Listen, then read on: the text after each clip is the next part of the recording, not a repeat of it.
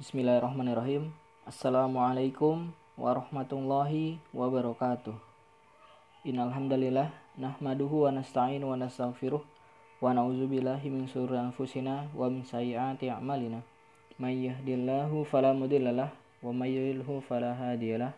Wa asyhadu an la ilaha illallah wahdahu la syarikalah wa asyhadu anna Muhammadan abduhu wa rasuluhu la nabiyya ba'dah. Pada kesempatan kali ini kita akan membahas mengenai fikih dakwah dan insya Allah akan berfokus pada masalah strategi membangun basis dakwah kampus.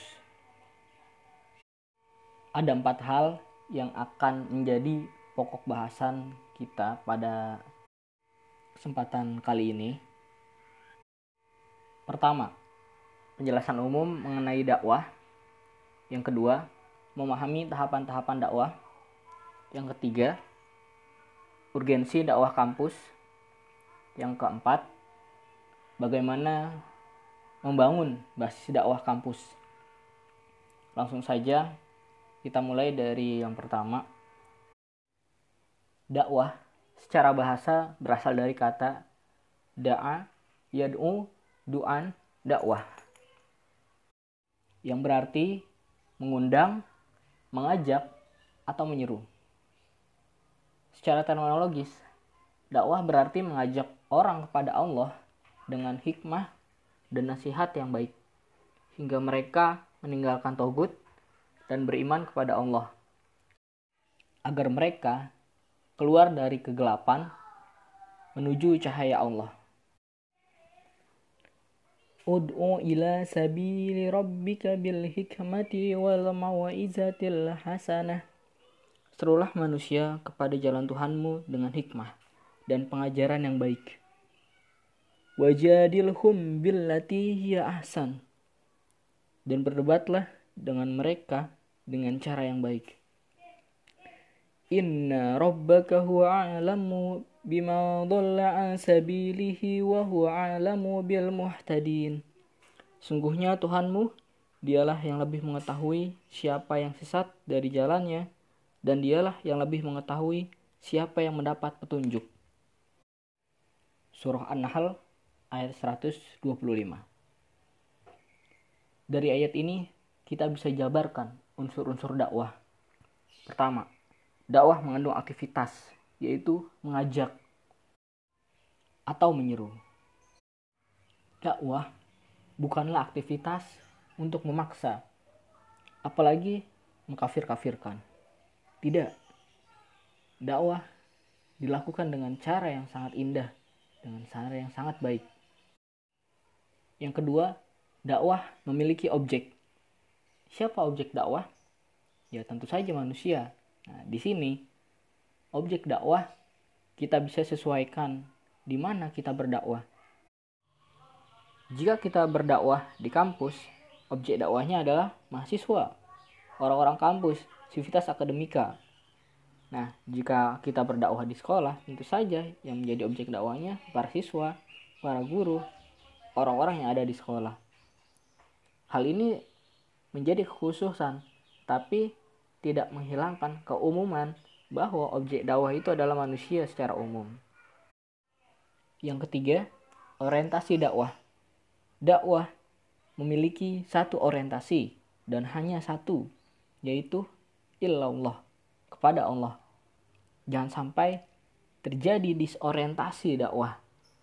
Dakwah dilakukan bukan karena kepentingan golongan, kepentingan pribadi, atau kepentingan lain yang bukan karena Allah. Yang keempat, metodologi dakwah. Dakwah dilakukan dengan hikmah, dengan cara yang baik, dengan cara yang bisa diterima objek dakwah. Dan ini bisa kita sesuaikan. Di mana kita berdakwah, pakailah cara yang bisa diterima di lingkungan tersebut. Yang kelima, target dakwah. Target dakwah secara umum, manusia terbebas dari kejahiliahan. Apa pun bentuknya. Hingga manusia menjadikan Islam sebagai pedoman hidupnya juga menjadikan cara pandang Islam menjadi cara pandangnya dalam memandang dunia ini. Hal ini berarti dakwah yang dilakukan para dai merupakan kelanjutan dari dakwah Rasulullah. Tanggung jawab dakwah menjadi kepunyaan setiap individu muslim, baik itu laki-laki, perempuan, tua maupun muda. Dan tentu saja tidak lepas dari konsekuensi yang amat besar. Kita bisa lihat dari yang dialami oleh Rasulullah SAW. Rasulullah hidup selama 40 tahun menjadi orang solih. Dan selama itu kita bisa lihat bagaimana sikap masyarakat terhadap beliau Wasallam. Beliau dijuluki Al-Amin. Ke mana-mana masyarakat selalu baik kepadanya. Beliau memiliki kedudukan yang terhormat di tengah masyarakat. Tetapi ketika beliau Shallallahu Alaihi Wasallam berdakwah secara terang-terangan, apa yang terjadi? Rasulullah Shallallahu Alaihi Wasallam diingkari kaumnya, dituduh gila, dikatakan bahwa beliau Shallallahu Alaihi Wasallam adalah penyihir. Kemudian beliau diusir. Itulah konsekuensi besar dari dakwah. Konsekuensi ketika seorang yang solih mencoba untuk menjadi seorang yang muslih, seorang yang membuat orang lain menjadi solih. Berikutnya, kita akan membahas tahapan-tahapan dakwah atau marahilud dakwah. Ada tiga tahapan atau marhalah dalam dakwah. Pertama, tahap ta'rif atau penerangan. Yang kedua, tahap takwin atau pembinaan. Yang ketiga, tahap tanfiz atau pelaksanaan. Kita coba jabarkan satu persatu dari yang pertama, tahap ta'rif atau penerangan. Tahap ini menjadi dasar dari semua langkah dakwah. Ketika ada kesalahan atau penyimpangan yang terjadi dalam tahap ini, maka akan berakibat buruk pada tahap-tahap berikutnya.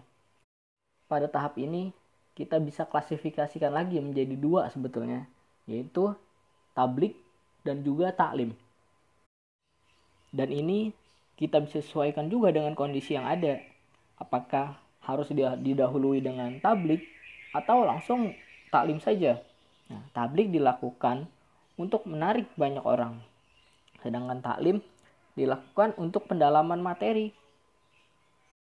Yang jelas, Aktivitas pada tahap ta'rif ini dilakukan untuk mengubah kejahiliahan menjadi ma'rifah. Tahwilul jahalah ilal ma'rifah.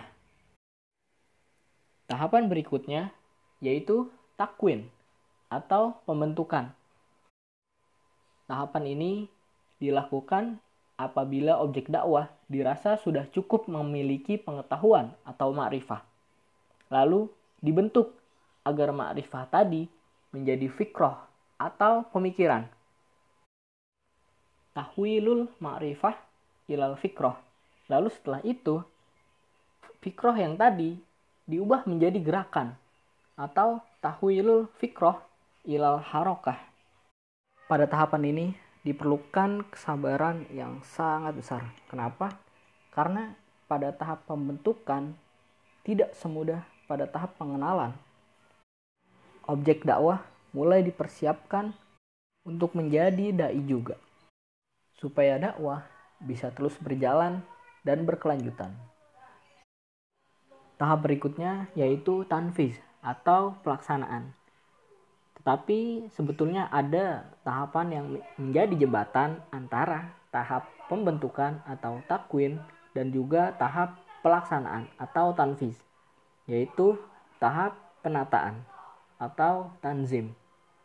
Pada tahap ini, gerakan-gerakan yang tadi sudah dilakukan ditata sehingga ada hasil yang bisa dilihat. Tahapan ini juga berfungsi untuk mengkoordinasi kerja, mengawasi aktivitas, serta menyatukan barisan. Setelah gerakan-gerakan tadi ditata sedemikian rupa, barulah kita memasuki tahap pelaksanaan atau tanfis.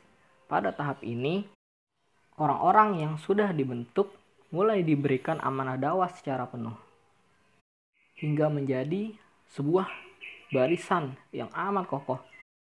Seperti yang tersurat dalam surah As-Saff ayat 4 Innallaha yuhibbul lazina yuqatiluna fi sabilihi saffan ka'annahum bunyanum marsus. Sesungguhnya Allah mencintai orang-orang yang berperang di jalannya dalam barisan yang teratur. Mereka seakan-akan seperti suatu bangunan yang tersusun kokoh. Selanjutnya, saya akan persempit skup pembahasannya apa sih urgensi dakwah kampus dan juga kenapa kami harus tetap hadir dalam upaya dakwah kampus. Seperti yang kita ketahui bersama, kampus menjadi tempat yang sangat ideal untuk menyemai pemahaman apa pun. Di sana, banyak pemuda yang mencari identitas diri. Pemuda-pemuda ini tentu di masa depan akan menjadi orang-orang yang memegang tampuk kekuasaan dan juga tampuk kepemimpinan negeri ini. Atau bisa kita bilang orang-orang yang akan menentukan arah peradaban dunia. Jika mereka tidak menjadikan Islam sebagai cara memandang dunia, tentu mereka akan memandang dunia ini dengan cara pandang yang lain. Tentu bukan Islam. Coba kita perhatikan saat ini. Betapa banyak pemuda yang memandang dunia ini dengan worldview yang lain seperti feminisme atau mungkin liberalisme atau isme-isme yang lain. Itulah kenapa dakwah kampus harus ada. Lalu, kenapa kami harus tetap hadir dalam upaya dakwah kampus? Kita bisa lihat visi kami, yaitu wadah perjuangan permanen yang akan melahirkan kader-kader pemimpin dalam upaya mewujudkan bangsa dan negara Indonesia yang Islam. Kepemimpinan menjadi strategi perjuangan kami karena kami memandang kepemimpinan merupakan wasilah yang bisa membawa perbaikan secara luas dan juga sistematis. Tapi bukan berarti kami haus akan kekuasaan. Tidak, sama sekali tidak. Jika kita melakukan refleksi pada tahun di mana kami dideklarasikan, kita bisa lihat pada tahun itu negeri ini tidak sedang baik-baik saja. Hampir tidak ada elemen mahasiswa yang berani memberikan kritik kepada pemerintah. Dakwah kampus yang lebih dulu terlembaga di kampus-kampus besar pun tidak bisa melakukan kritik kepada pemerintah karena memang bukan ranah mereka dan tidak didesain untuk itu pada awalnya.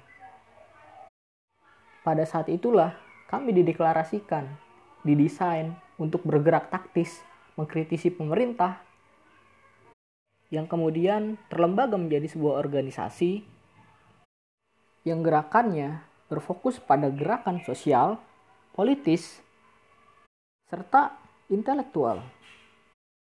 Nah, pertanyaan berikutnya, bagaimana cara membangun basis dakwah? Jika kita teladani apa yang telah dilakukan Rasulullah SAW di mana beliau Wasallam memulai dakwah dari orang-orang terdekatnya, lalu kemudian melebar secara perlahan hingga terkumpul beberapa puluh orang, ada yang mengatakan 30 atau ada yang juga yang mengatakan 60 orang. Lalu beliau Shallallahu Alaihi Wasallam melakukan pembinaan yang secara kontinu di rumah salah satu sahabat yaitu Al-Arqam bin Abil Arqam. Hal ini dilakukan untuk apa? Agar dakwah bisa bertahan lama dan tidak tergantung dengan hanya pribadi-pribadi tertentu saja.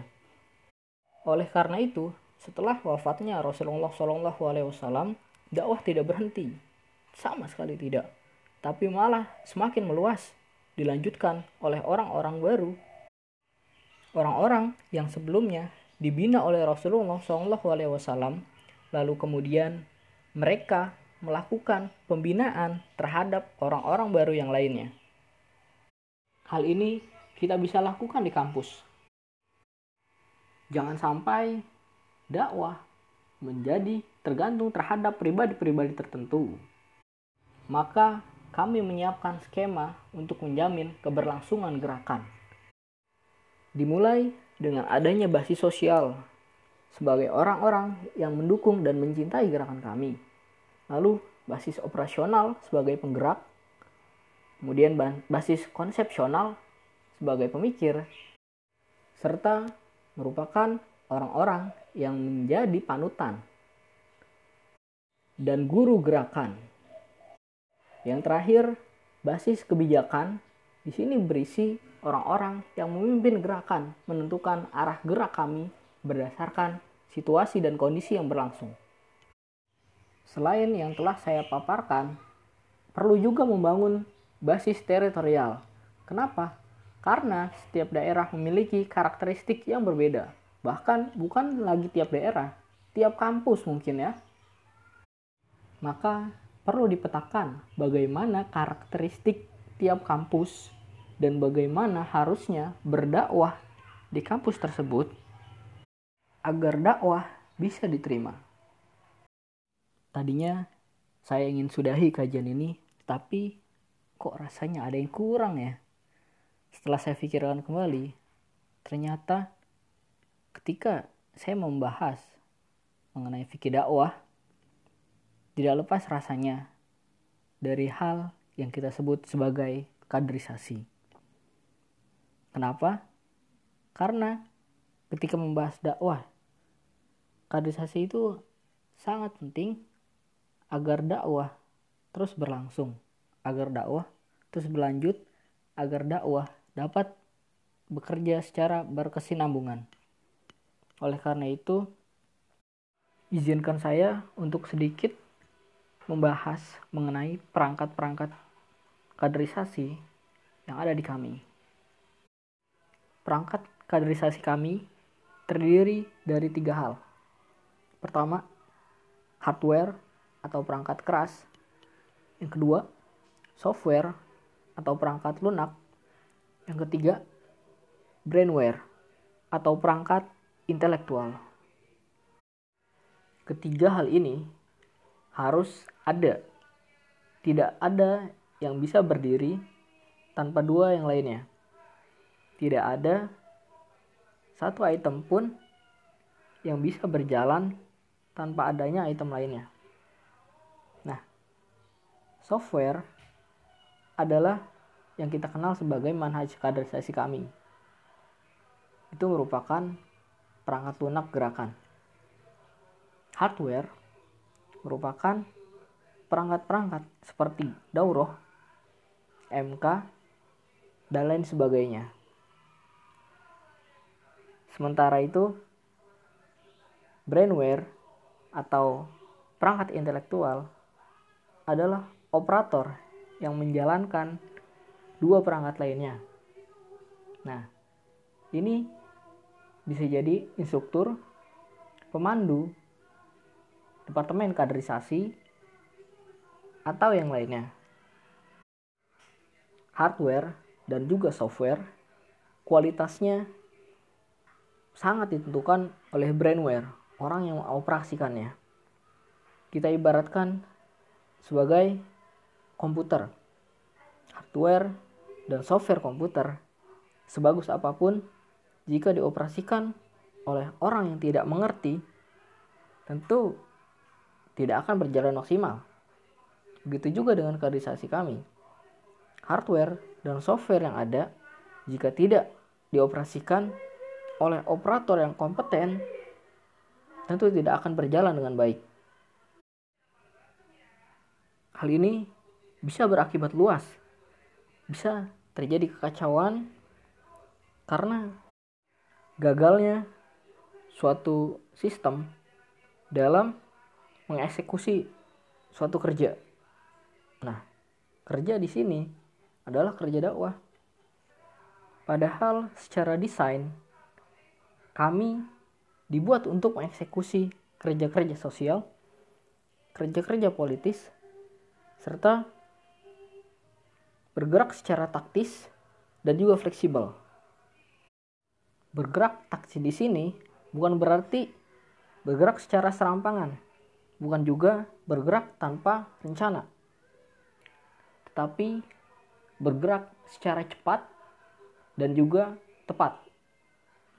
Bukan bergerak seperti event organizer di mana hanya membuat acara yang dibuat secara refleks karena merespon suatu peristiwa. Bukan pula bergerak dari nol setiap awal kepengurusan, tetapi harusnya adalah melanjutkan titik akhir dari kepengurusan sebelumnya, seperti lari estafet. Dengan demikian, kerja dakwah yang sekian banyak itu bisa diselesaikan dengan cara kolektif.